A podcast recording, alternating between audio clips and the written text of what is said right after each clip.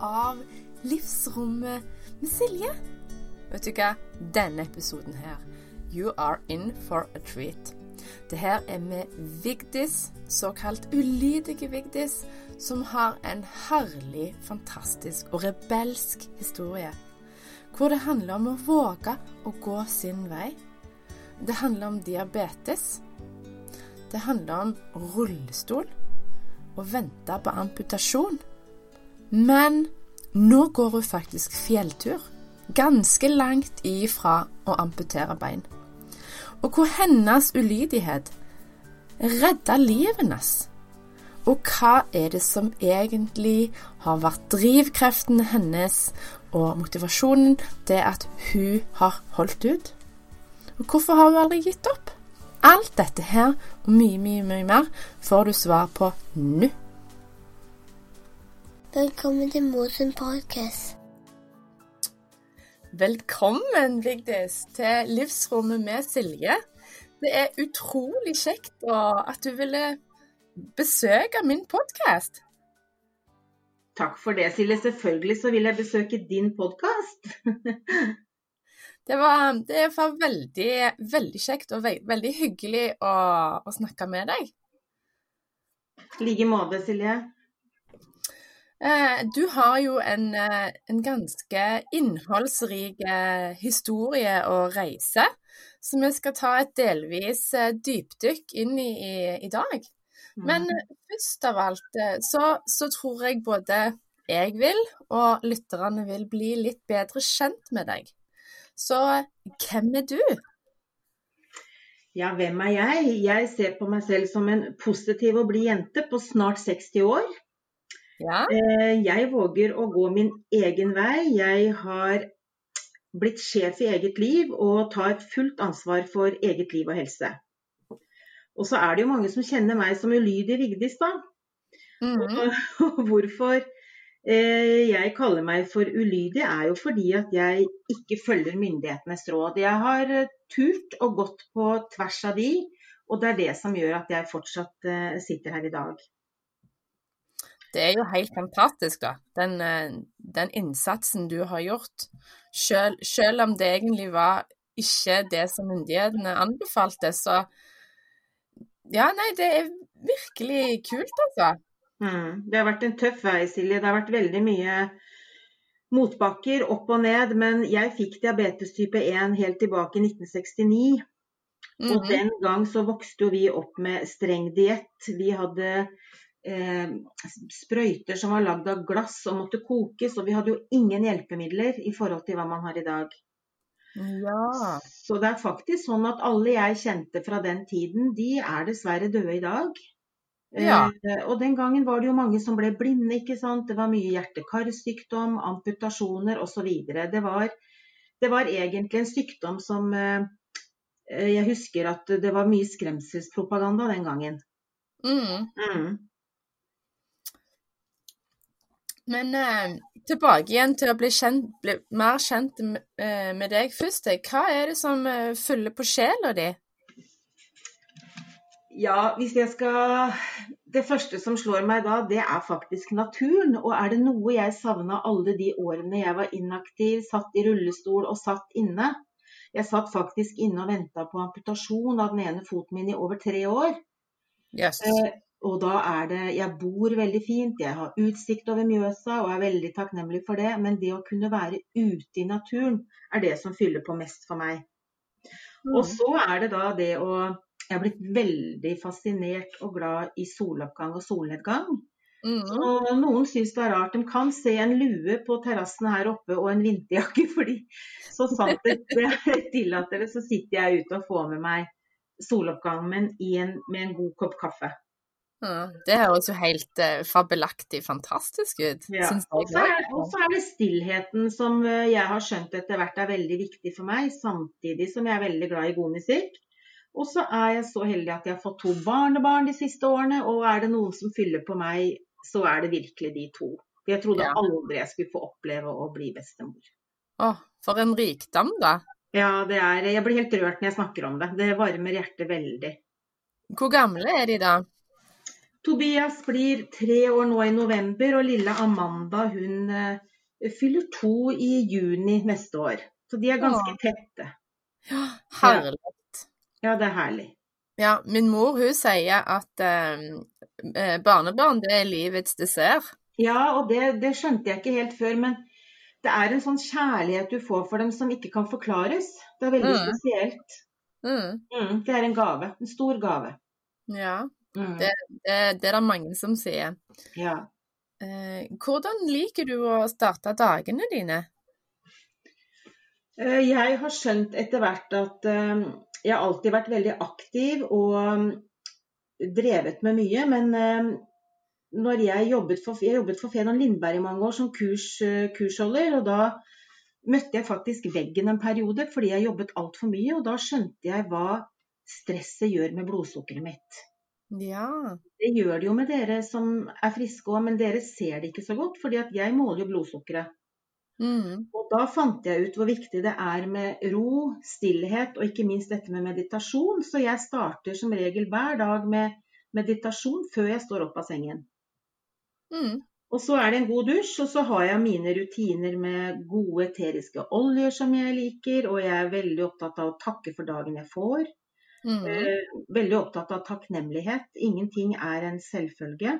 Mm. Og så setter jeg alltid en intensjon for dagen. Det gjorde jeg mm. også når jeg var mye syk, for jeg tror det er viktig å ha noen oppgaver i løpet av dagen. Mm. Mm. Kan jeg spørre, hva er intensjonen din for denne dagen, da? denne dagen så var det jo først å, å snakke med deg, Silje. Ja. I dag har jeg litt huslige ting. Jeg har meditert eh, før jeg sto opp i dag. og jeg, I dag er det sengetøyskift og sånne ting. Og så jeg, skal jeg sitte og skrive litt, for jeg jobber nemlig med en bok, da. Oi, spennende. Ja. Ja, det er spennende. Jeg, eh, jeg, jobber stadig med den, men jeg venter på at noen skal komme og, og, hjelpe meg litt med den, faktisk. Men det kommer hvis det er meningen med det. Mm. Mm. Det er jo en bok for å få andre diabetikere til å forstå at de må aldri gi opp, og så må de våge å ta litt andre valg. Mm. Og der deler jeg også alle verktøyene jeg har brukt, for det er ganske mange. Ja, ja mm. fantastisk. Men uh, meditasjon, det, bruker du sånn guider, eller bruker du sånn stille? Hvordan type meditasjon er det du liker best? Det kan være begge deler. Nå I det siste har jeg brukt litt guider. Jeg har, truff, jeg har funnet en som heter Elena Bower, som er fantastisk fin. Mm. Eh, jeg har en biomatte på en seng her som jeg vet ikke om du kjenner til det, som er fylt av ametyst som du kan varme opp. Oi. Den har jeg brukt mye i forhold til å øke blodsirkulasjon og sånne ting. Så den, når jeg legger meg på den, så hører jeg ikke på noe, men da, da bare forsvinner jeg på en måte. Og jeg er veldig visuell, så de periodene jeg har vært så syk òg, så har jeg hatt mange flotte opplevelser inni hodet mitt, hvis du forstår hva jeg mener. Jeg kan mm. tenke meg tilbake til gode opplevelser, og, og, og det er en gave. Mm. Mm. Også ute i naturen, jeg er ute og går tur, så er jo det en meditasjon for meg i seg selv. Mm. mm. Sette seg ned på en stein eller en stubbe og bare være. Mm, deilig. Ja, deilig. Hva, hva, er det det gir deg med å ha sånne nydelige, egenkjærlige morgenrutiner? Jeg har blitt helt avhengig av det, og jeg føler at uh, jo flere gode rutiner vi kan ha, jo lettere er det altså For jeg, meg som har vært så dårlig, så tror jeg de rutinene er helt avgjørende. Eh, både for å komme gjennom dagen, men nå etter at jeg er blitt så frisk, da, så slutter jeg jo ikke med de rutinene. For det tror jeg gjør at jeg har liksom grunnmuren i meg. Mm. Mm. Det, det, er helt avgjørende for meg. Mm. mm. Ja, jeg er enig for min del òg. Ja. Men eh, nå kommer vi inn på det som gjør din historie fantastisk unik. Og hva vil ordet ulydighet eh, si for deg? Ja, ulydighet kan jo høres kanskje litt sånn strengt ut, da. Jeg er ikke så ulydig ellers, men akkurat når det gjelder meg og min helsereise, så har jeg vært ulydig. Og for meg så betyr det at det har redda livet mitt. Mm. Jeg ble forespeila, eller min mamma og pappa ble forespeila at jeg kanskje oppnådde å bli 40 år. Mm. I, år I år fyller jeg 60. Ja, helt nydelig. Eh, jeg ble allerede som ung eh, anbefalt å ikke stifte familie og få barn. Og mm. flere av de jeg kjente den gangen, de hørte på de rådene, og er det noe de angrer seg på, så er det nettopp det. Det var jo fordi at diabetikere tidligere de fødte ofte dødfødte barn fordi at de blir så store. Oh. Når man følger, veldig, følger oss godt opp under svangerskapet, og vi må ofte ta keisersnitt en stund før termin fordi at barna blir så store, og det er fordi at de har det for godt kan du si, i magen, da, fordi at eh, vi er litt for søte da, pga. blodsukkeret vårt. Ja. Så de kaller de for sukkerbarn. De kan se ut som sånne De er veldig store når de blir født, men det trekker seg fort tilbake. Så jeg har fått to friske barn, og det er jeg veldig takknemlig for. Mm. Og jeg ble jo allerede ulydig da, men min ulydighet har gjort at jeg har kommet meg vekk fra isolasjon og fra mange av de komplikasjonene jeg har vært igjennom. Uh, og jeg har fått helt, et helt annet liv etter at jeg har tatt de valgene jeg har fått. Jeg ønsker bare at flere skal våge å gjøre det. Mm. Mm. Og det er jo òg litt av grunnen for at du er eh, gjest i min podkast. For det at jeg syns òg saken din og historien din er så fantastisk eh, beundringsverdig. At den fortjener virkelig å bli delt og være inspirasjon for mange, mange der ute. Mm, takk for det, Silje. Så, så, hvis vi går liksom litt tilbake, eller en del tilbake i tid, hva var egentlig din eh, opprinnelige prognose som du fikk av legene? Hva sa de? Eh, jeg husker ikke så mye av den tiden jeg fikk det, for dette, jeg var jo åtte og et halvt år. Men jeg fikk jo diabetes type 1 og lå på Rikshospitalet i over tre uker. Og den gangen lå meg jo alene. Ja, og, eh, og det er klart at det gjør noe med deg. Og jeg ja. lå på et firemannsrom, det husker jeg faktisk. Og på lørdager var det lørdagsgodt. Mm. Og de mhm. andre fikk litt sjokolade og drops, og Vigdis fikk en halv slangeagurk. Å, oh, hallo. Den gangen var det ikke snakk om å få noe søte ting, det var veldig strengt. Når jeg tenker tilbake, så var det kanskje bra, i og med at vi ikke hadde blodsukkermåler og kunne teste hvordan vi lå an.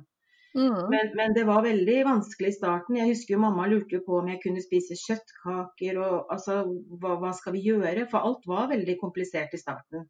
Mm.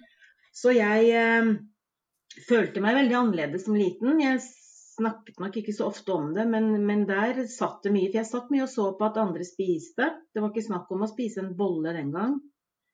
Eh, mm. Det var selters og noe tørre kjeks som smakte, hadde sånn skapsmak, ikke sant.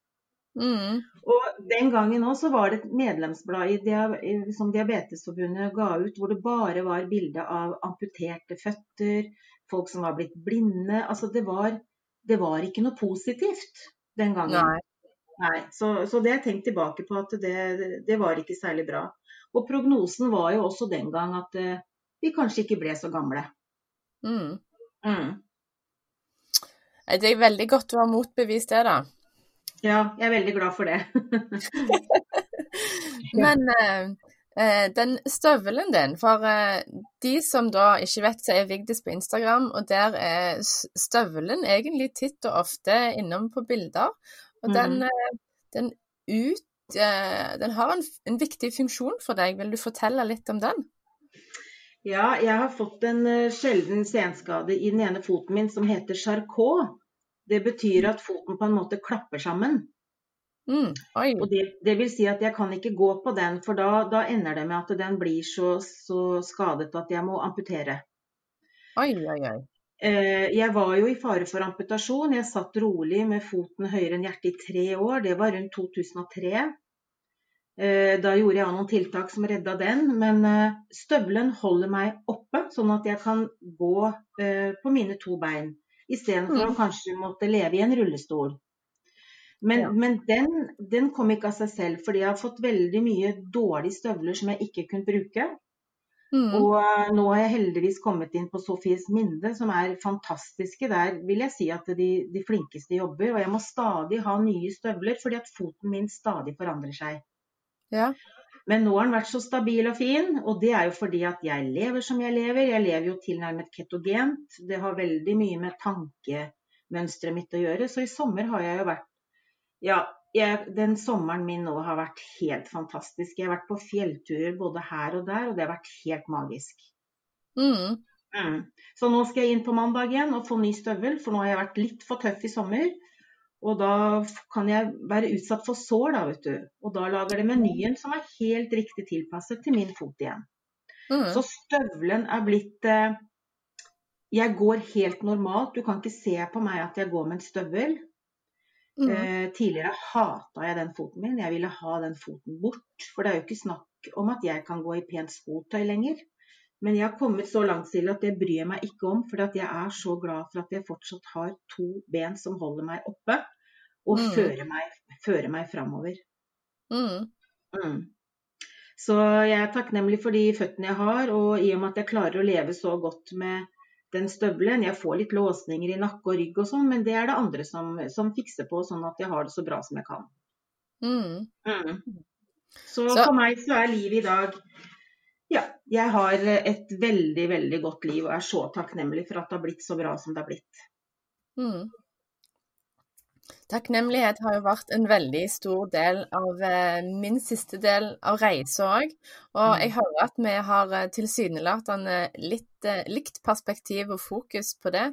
Det å ikke ta noe for gitt og være takknemlig for både den kroppen en har, og historien som har ført fram til at vi har blitt de som vi har blitt i dag. Mm. Eh, og eh, meg med min eh, leddgiktsfikse-historie, det var jo òg fordi at jeg ikke ga opp. Liken som du heller ikke ga opp. Mm. Og selv om det er på sett og vis en hel del mindre alvorlig med leddgikt kontra diabetes, så er det jo veldig hemmende og, og, plagsomt. Og legene ga meg jo beskjed om at nei, Silje, du må bare finne en måte å leve med dette. Mm. Men da, da, tenkte jeg ikke om jeg skal gjøre det. Mm. Da, da, fikk jeg heller desto mer drivstoff på bålet og bare mer vilje, mer motivasjon og mer den der driven til å finne ut hva kan jeg gjøre sjøl mm. for å snu dette her. Så nå har vi, det med motivasjon, det tror jeg har stått sterkt hos deg òg. Ja, veldig. Absolutt. Så hvorfor har du eh, aldri gitt opp? Ja, altså jeg fikk jo høre at jeg måtte regne med disse komplikasjonene mine fordi jeg hadde levd med diabetes så lenge. Det var helt vanlig, det. Mm. Men, men, så tok jeg et oppgjør med meg selv, da, fordi jeg fikk jo beskjed av legen at det var ikke noe jeg kunne gjøre for å, for å få det bedre. Spesielt når jeg satt med disse massive sårene på den ene foten min som ikke ville gro. Uff. Eh, jeg har jo hatt sår på én tå gjennom, gjennom, åtte år, og altså flere besøk på sykehuset ukentlig. Det har vært en voldsom reise, og man blir sliten av sånne ting. Mm. Uh, og jeg har jo hatt to tøffe blodforgiftninger, men jeg overlevde de òg. Men da må jeg innrømme at den ene var så tøff, og det ble gjort så mye feilbehandling at da tenkte jeg at uh, kan jeg ikke få lov å slippe nå? Uff a meg. For da var jeg så sliten, Silje. Og ikke bare det, men jeg tenkte på familien min. Fordi ferier måtte ofte avlyses. Eh, jeg følte meg egentlig som en klamp om foten, og jeg ba rett og slett mannen min om å finne seg en eh, annen kone. Oi. Ja, jeg gjorde det, for jeg følte at jeg var til bry. Mm. Men jeg eh, tok et oppgjør med meg selv, og det er som jeg sier til andre òg, ta et ark og del i to. Hva ønsker du mer av i livet ditt, og hva ønsker du mer av? Mindre og mer av. Og hva mm. må du gjøre for å få til det? Mm. Og det var da jeg fant ut at jeg har jo ansvar for livet mitt selv. Mm. Og jeg kan ikke høre på hva alle sier når, når, det ikke skjer noe positivt. Det skjer ikke noe endring. Når du gjør det samme hver dag og rett og slett som meg år etter år, og det kommer ingen endring, da må du gjøre noe nytt. Mm. Og jeg har alltid hatt mye guts. Jeg har alltid hatt mye stå-på-vilje. Mm. Jeg har starta på nytt mange ganger, men, og jeg har også hatt uh, det veldig mørkt rundt meg. Men jeg sier òg at det er alltid et lite lys i den tunnelen. Mm. Og selv om hvor langt nede du er, så er det alltid noe å glede seg over. Mm. Det er jo jeg som bestemmer hvordan dagen min skal være. Nå sitter jeg og har drukket kaffe av en uh, liten kopp som det står 'livsnyter' på. Oi. det handler om å nyte livet, Silje. I enhver situasjon så kan vi alle mennesker gjøre det. Mm. Men vi har, vi har, jo valg. Så i tunge stunder finnes også glede, men det er det å klare å se det og, og, og takle livet sitt. Fordi jeg tenker at alt det jeg har vært igjennom, har jo gjort meg til den personen jeg er i dag. Jeg har kommet mm. så styrka ut av det, så egentlig ville jeg ikke vært det foruten. Jeg har lært så mye av det. Så det å bli sjef i eget liv og tro på meg selv og ta ansvar for alt, mm. Eh, og velge seg gode dager, det er jo mitt valg. Mm. mm. Og så har jeg jo Vi har alle, selv om vi har det tøft, så har vi noe som kan lyse opp dagen vår. Mm. Vi må bare se rundt oss. Det, det, handler litt om når det er mørkt og tungt, at vi må løfte blikket. Mm. Ja, mm. nydelig. Og det er jeg veldig flink til. Altså. Det er blitt veldig, veldig flink til. Så da er jeg litt stolt av meg sjøl, faktisk. Mm. mm. Så bra. Ja, du, du, har all grunn til det. Og så bryr jeg meg ikke om hva andre sier og mener lenger, Silje, og det tror jeg er ganske viktig. Ja. Mange syns at ulydig Vigdis har gjort så mye rart. Men det er alt det rare som gjør at jeg fortsatt er her i dag. Ja. ja. Mm. Det å våge å søke kunnskap og erfaring litt utenom eh, det systemet som vi liksom ut fra myndighetenes uh, syn da skal søke råd hos. Mm. Det er mange der ute som har masse kunnskap. Mm. Men vi må gjøre jobben selv. og Du kan lese hvor mange bøker du vil og gå hvor mange kurs, men du har ikke lært noe før du har satt det ut i praksis, er min mening. Ja, jeg er enig. Ja, og det er mange, mange opp- og nedturer. Eh, Altså Vi må teste ut og lære og teste ut og lære. Og sånn som jeg ser det nå, så er nesten alle brikkene i mitt puslespill de er på plass. Mm. Det er det å finne de for å, for å, bli fullverdig på en måte, da. Mm. Og det er veldig godt. Mm. mm. Det jeg har tenkt i flere omganger når jeg har møtt motstand og utfordringer både i helse og ellers i livet, da har jeg heller eh, snudd om og, og heller tenkt hva godt kan komme ut av dette? Ja, ikke sant. Og heller på en måte heve blikket, sånn som du sa, og egentlig speide etter den der silver lining, sant. Mm. Det er som regel alltid noe man kan lære ut av alt. Samtidig så er det veldig ofte òg noe positivt som kommer ut av noe ikke positivt. Ja, helt, helt enig med deg. Så det har jeg brukt i så mange omganger, både med leddikta og med andre ting. Mm. Og jeg, jeg, husker når jeg la ut et bilde på Instagram ganske tidlig i prosessen, når, når eh, kulene på hånda var så store, så satt jeg der med en følelse av at dette her skal jeg bruke for å hjelpe andre etterpå. Mm. Men jeg, jeg, visste jo ikke da hvor lang tid det ville ta, hvordan ferden ville gå, eller noen ting. Det var rett og slett bare at jeg hadde en sånn snål formening om at dette her var noe av det jeg skulle det, bidra med. ja, ikke sant. Og det er sånn jeg ser på livet mitt òg. Jeg tror at det er min livsoppgave. Mm. I dette livet, For jeg vet at jeg hjelper veldig mange andre med, med å fortelle og, og bruke meg og min helsereise. Mm. Absolutt. Og det gjør jo du og Silje. Du hjelper jo så mange. Det er jo fantastisk den reisen du har hatt òg. Mm. Men det det handler om både hos deg og meg, er jo å aldri gi opp. Mm. Mm. Og selv om ting er litt tøft og det er tungt og det butter imot, så må man bare fortsette. Mm. Man kan velge å sette seg ned og synes synd på seg selv, men, men da kommer man ikke framover. Nei, man gjør ikke det. Man gjør ikke det. Men eh, jeg har òg hatt et kallenavn. Ja. Sånn som du har ulydige Vigdis, så i, fra tidligere, så når jeg var litt vel viljesterk, så kalte faren min Silje med vilje. Ah, ikke sant? Og, ja, og det, det, på en måte har hengt litt igjen. For det at når jeg har gått inn for noe og på en måte bestemt meg, så har det blitt sånn. Ja. Eh, og mor har òg sagt at eh, hvis det er noe jeg eh, vil gjøre, eller noe jeg har lyst til å få til, så får jeg det til. Mm. Jeg har hatt de to òg med meg som definitivt har forma meg til å bli eh, desto mer utholden. Mm. Det er viktig, og jeg har jo hatt et mantra som heter 'jeg vil, jeg skal og jeg kan'. Mm, veldig bra. For jeg ble tidlig ufør, men jeg var ikke klar for å bli ufør. Så jeg har jo etterutdannet meg og tatt mye kurs, og da fikk jeg jo høre at det kommer da du aldri til å klare. Altså bare, bare, å si det til noen. Ja, det er ikke bra, altså.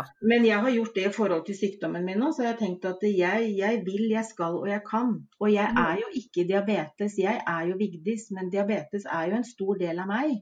Mm, mm. For det å leve med diabetes type 1, det er en 24 timers jobb. Du styrer et organ hele døgnet.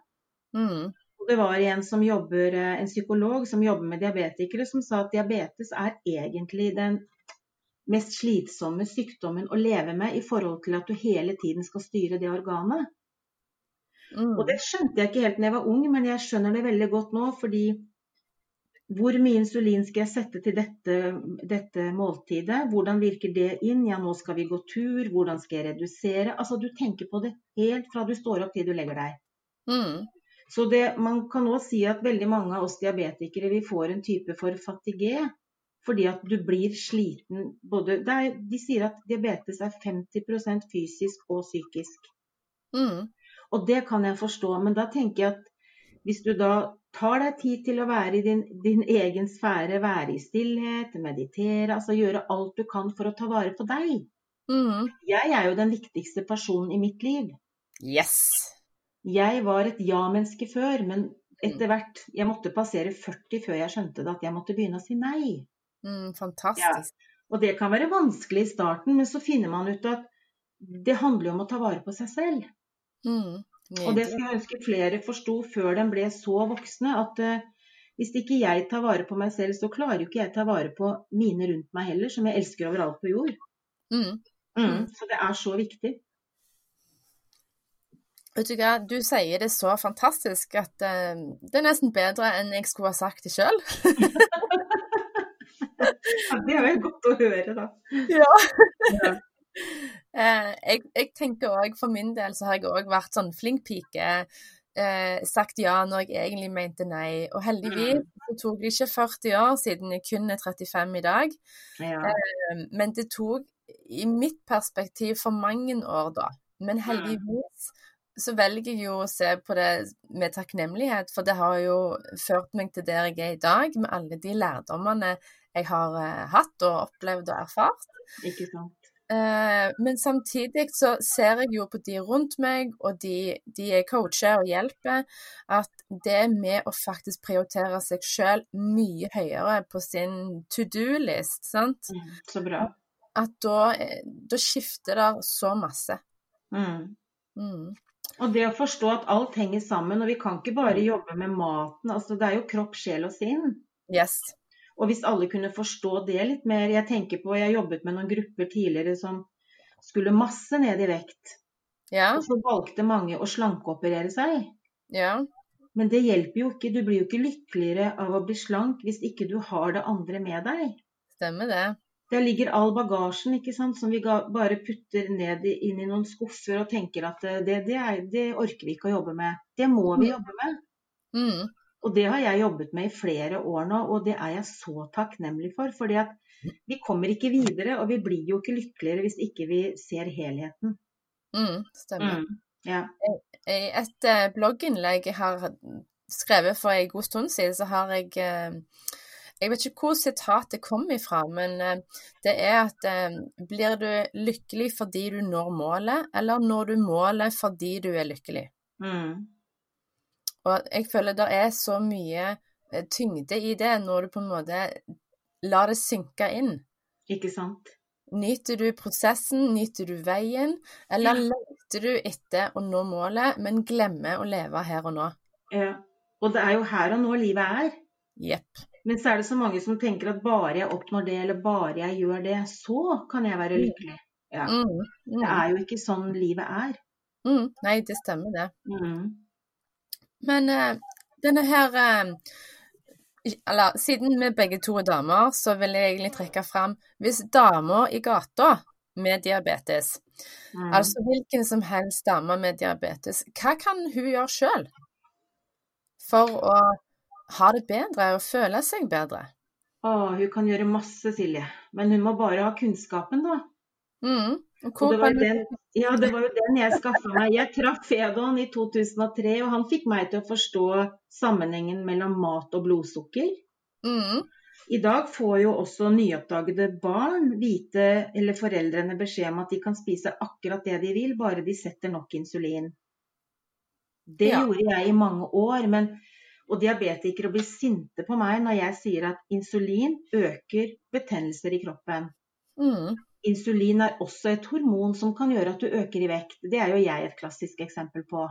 Mm. Og det mener mange diabetikere er feil. Og hvorfor er det så mange diabetikere som har så mye muskel-skjelettplager? Mm. Det er ofte store doser med insulin. Ja. Så først kunnskap. Gå til de som kan noe om det. Du kan google veldig mye på nettet. Altså, jeg har vært i Trondheim, jeg har vært i Stavanger. Hvor har ikke jeg vært for å få den hjelpen jeg har trengt? Mm.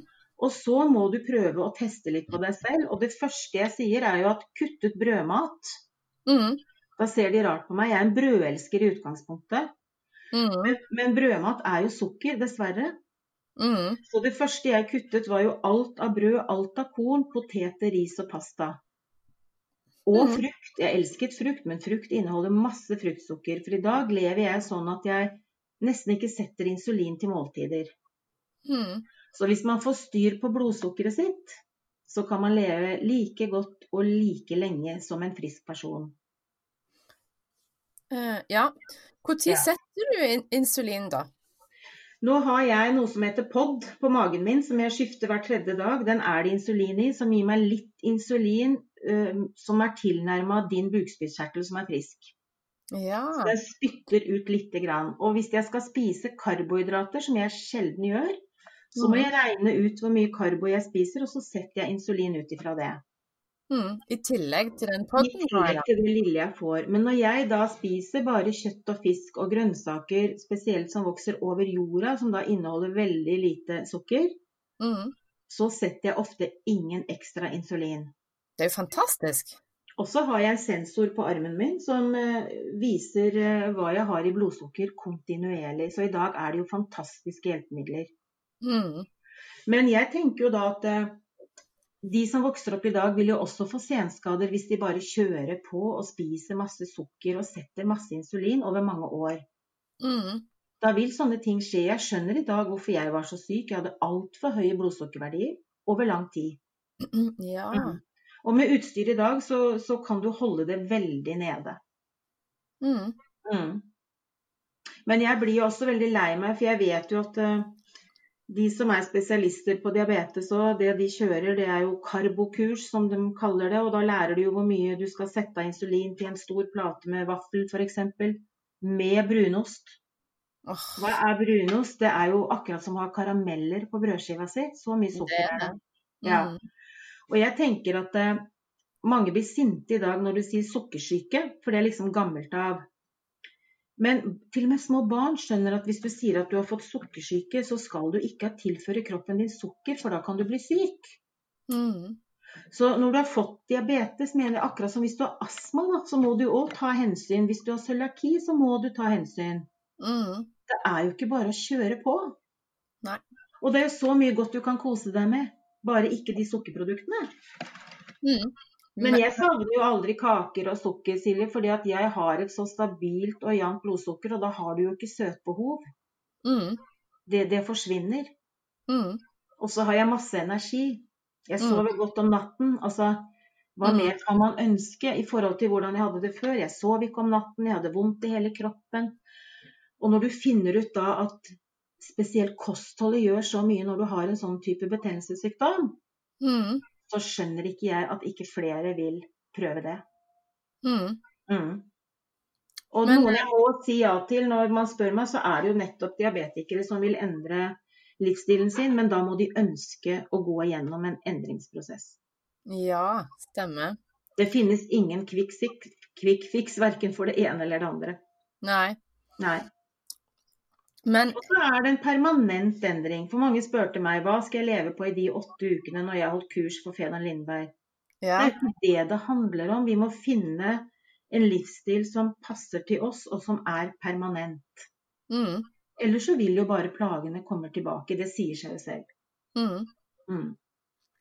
Men stress har vel en stor uh, innflytelse òg på blodsukkeret? Å, så voldsomt. Ikke bare stress, men alle følelser. Å? Ja, tristhet, lykke, glede, kjærlighet, sorg. Alt dette virker inn på blodsukkeret. På hvordan, altså, hva er det som får at eh, det blir svingninger, eller de forskjellige følelsene? Det er f.eks. når du, du, kan ta et lite barn. Mm. Åh, jeg blir litt lei meg når jeg snakker om det, fordi at mitt lille barnebarn, lille Tobias, som nå blir tre år, har jo fått diabetes type 1. Oi, ja. Og det er mormors store sorg. Men jeg skal jo holde meg frisk og rask og bli hans mentor når han vokser opp. Det er jo en stor livsoppgave jeg har fått. Mm. Men min datter og svigersønn er kjempeflinke, og de har jo sett hvordan jeg har fått til min endring. Mm. Men når Tobias sovner, så går blodsukkeret rett i været, for da får du veksthormoner på et lite barn. Ja. Og, så, og, da må du sette ekstra insulin. Og så setter du kanskje litt for mye, så går du ned og får lavt og får en føling. Da må ja. han få i seg noe sukker. Og så kommer det drømmer som kanskje øker blodsukkeret. Og på dagtid er det sånn at når du får besøk og du blir veldig glad, så kan blodsukkeret bli veldig høyt igjen. Så det er som en berg-og-dal-bane. Yes. Så mange sier at det å få diabetes som barn må jo være det enkleste. Og det kan jeg bare si at det er det vanskeligste. Mm. Der skal mor og far følge med og styre han 24 timer i døgnet. Og når du er så liten, så er det ikke så lett å si ifra. Mm. Og, og, det skjer så mye rundt deg, ikke sant. Tenk deg i barnehagen, da, hvor de kanskje knuffer litt på hverandre. Og, mm. og da kan du tenke deg hvordan det kan svinge hele dagen. Mm. Det er mye lettere for meg, for nå sier jeg nei til ting som jeg vet at ikke er bra for meg. Mm jeg har eliminert de vennene eller den omgangskretsen som ikke er bra for meg. Mm. Og da er det mye lettere for meg å holde et stabilt blodsukker, for jeg vet hva som stresser meg. Mm. Ikke sant? Så alt det, det skjer med deg òg, Silje, men du bare ser det ikke, for du tester ikke blodsukkeret ditt. Nei, det stemmer det. Så for men... å gi ett eksempel, når jeg hadde kurs på det verste for Fedon Lindberg, jeg hadde fulle kurs tre ganger i uka, Mm. Og etter et kurs på Lillehammer så var det masse ubesvarte anrop, og så kjente jeg bare at det begynte å koke. Og jeg fikk så høye blodsukkerverdier. Mm. Og det det endte med, var at jeg eh, fikk et opphold på fire uker på Tonsåsen, som den gang var eh, rekreasjonshjem. Ja. Da gikk det opp et stort lys for Vigdis. Ja. Da var jeg i meg selv, bodde på mitt eget rom, var ute i naturen, gikk til servert bord, og ja. da skjønte jeg hva stress og alt det som skjer rundt oss, som ikke alltid er så veldig lett å, å kontrollere, hvordan det virker inn på blodsukkeret. Mm. Mm. Derfor er jeg, er jeg, mye alene, ute i naturen alene. Altså, jeg, jeg, må være mye i meg selv og ha stillhet rundt meg. Mm. mm. Og det er viktig for alle, mener jeg. Spennende, da. Jeg, jeg, jeg visste ikke at det, at det, hang så nøye innflekt sammen, det òg. Men det er jo sånn som er så mye annet, at alt henger sammen. Ja, det gjør det, vet du. Mm. Mm. Stilig. Eh, jeg har et, eh, et, siste, men det er kanskje litt stort spørsmål, da. Men hva er din, eh, din største lærdom i livet? Min største lærdom? Ja, det er vel at at jeg må tro på meg selv og være sjef i eget liv. Ja. Eh, og ja, at jeg alltid har et valg. Ja. Det er jeg som kan velge hvordan jeg vil ha det, enten dagene er sånn eller sånn. Mm. Mm. Eh, jeg som bestemmer, og jeg velger, velger, meg stort sett gode dager, jeg, da, Silje. Jeg er veldig opptatt av det. Derfor så skriver jeg ofte 'lag deg en god dag' eller 'skap deg en god dag'. For det kan alle gjøre, mener jeg. Vi har alle valg, og det å ikke velge er jo også et valg. Det er det. Ja. Og den lærdommen jeg har tatt av hele min helsereise, er vel det som vi har vært inne på før, at man må aldri gi opp. Alt er mulig. Mm. Og jeg er jo egentlig et eksempel på at mirakler skjer. Mm. Med det jeg har fått til i sommer, og, og jeg er ikke ferdig med det, vet du. For jeg, eh, jeg setter meg alltid nye mål. Mm. Det er mm. helt fantastisk. Jeg, jeg um, husker når jeg var tidlig og tenårer, at da tenkte jeg at uh, livet det stoppa mer eller mindre når man ble 30. Ja. Men jeg kan jo heldigvis avkrefte det, da. ja. ja. så, mm. Og så er det godt å bli eldre. òg. jeg husker når jeg ble 40, så var det mange av mine venninner som fikk litt sånn krise. Jeg tenkte ikke over det, men jeg tenkte at egentlig er det trygt og godt å bli voksen, for at man føler seg mye tryggere i seg selv. Mm. I dag føler jeg meg jo mye tryggere. Det er, Jeg er ikke redd for noe lenger. Jeg, har, går ikke rundt og har bekymringer. Og det er mm. veldig, veldig, veldig godt. Ja, det er nydelig. Ja. Men er det før vi avslutter, er det et, et, siste råd du eh, kan eller vil gi til, til de som hører på, som eh, ja, kanskje ikke vet helt hvor de skal starte, eller om de kan klare det? For det er mange som sitter med store tvil om at de, de er kapable til det. Hva mm. tenker du? Jeg mener at alle er kapable til det, bare de, de vil. Mm. Men de må ville, og så må de, må de, som jeg sa i stad, de må tørre å sette seg ned og google litt. fordi at å, å undersøke hva man kan gjøre for å få til det man vil. Mm. Og den veien er ikke alltid enkel, og så må man ikke stoppe selv om man får motstand. Mm. For jeg har hatt veldig mye motstand, men det er det å aldri gi seg. Altså just do it. Mm. Og det gjelder sånn som å gå ut òg, det Silje, selv om det regner. Det er jo bare å ta på seg en regnklær. Mm. Altså, mine rutiner er nå ut og få luft hver dag. Mm. Og, og, da må man bare gjøre det, selv om man føler seg litt slapp og sånn en dag, så vil man kjenne at det gjør så godt etterpå. Mm. Og da blir man så fornøyd med seg selv. Mm. Jeg startet med å gå og hente posten. Det var et stort sprang for meg når jeg var så dårlig. Eller å gå i søpla. Ja. Og så begynte jeg å gå fem minutter ut i verden og tilbake. Jeg var så sliten. Jeg gråt mange tårer, for jeg hadde så vondt i kroppen. Ja. Men vi må starte et sted. Mm. Så små skritt fører framover. Oh yes. Mm. Og så må man stole på seg selv, for jeg er sikker på at jeg trodde heller aldri at jeg skulle oppnå det jeg har oppnådd i dag. Mm. Men jeg tror vi klarer, vi klarer så uendelig mye mer enn vi aner. For vi, har, vi er så sterke, vi mennesker, hvis vi bare har troa mm. og pågangsmot. Mm. Mm. mm. Men denne boka du skriver um, Du aner ikke om når den uh, kom ut? Nei, den skulle vært ute for noen år siden, den Silje. Jeg har lagt den litt på is, og litt av grunnen til det er at jeg har opplevd veldig mye motstand av både legestanden og andre diabetikere. Ja. Med min historie og mine uttalelser. Mm. Eh, men nå bryr jeg jo ikke meg om det lenger, da. Mm, så bra. Så jeg har nok litt skrivesperre, så nå har jeg kjøpt meg en diktafon. Så når jeg er ute, så går jeg og prater veldig med meg selv. Så nå går jeg med den eh, diktafonen, mm. og så får jeg det inn på den. Mm. Ja, det, det, er kjempebra tips, altså. Ja, for når jeg kommer hjem igjen, så har jeg glemt mye av det jeg har gått og tenkt på. Mm. Ja, og Så får jeg se hva det blir ut av det. Men jeg har litt andre tanker òg. Jeg skal bli enda mer synlig for å dele min historie for å hjelpe andre. Mm. Mm. Så jeg er i gang. Mm. Mm. Men jeg nevnte jo tidligere at du er jo på Instagram. Er det um, en annen plass Eh, de som lytter, kan eh, eh, finne deg på nett? Ja, nei, egentlig da må de gå inn på Facebook, og der heter jeg jo Vigdis Hjelmås. Mm. For det er noe nytt på gang på nett, skjønner du, men det, det vil jeg ikke gå ut med riktig enda, for det driver jeg og bygger opp. Ja, spennende. Ja, ja, det er spennende. Så da må vi egentlig bare følge litt med? Følg litt med. Mm. ja. Ja. Nei, jeg legger ut mer på Instagram enn på Facebook, men når sånne ting skjer, så legger jeg selvfølgelig ut på Facebook også. Mm. Ja.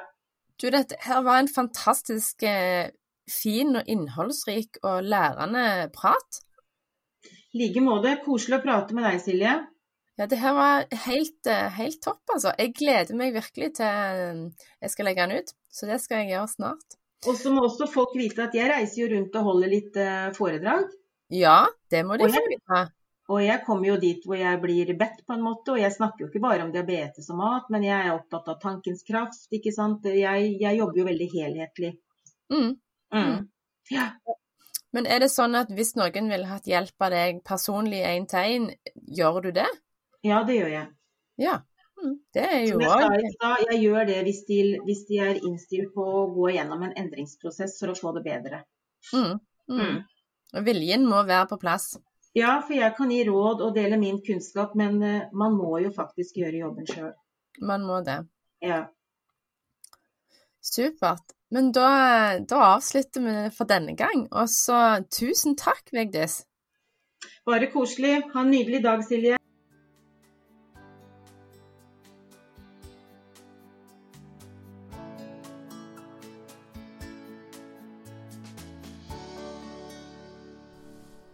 Hvis du likte episode to av Livsrommet med Silje så mye at du vil dele det, ja, da har du jo to valg. Send linken, eller ta screenshot og send til en venn eller fem, sånn at vi deler denne fantastiske inspirasjonen. Både med at det er håp med diabetes, eh, alt om følelsene og blodsukker, inspirasjonen, motivasjonen Ja, vet du hva? Hele pakka.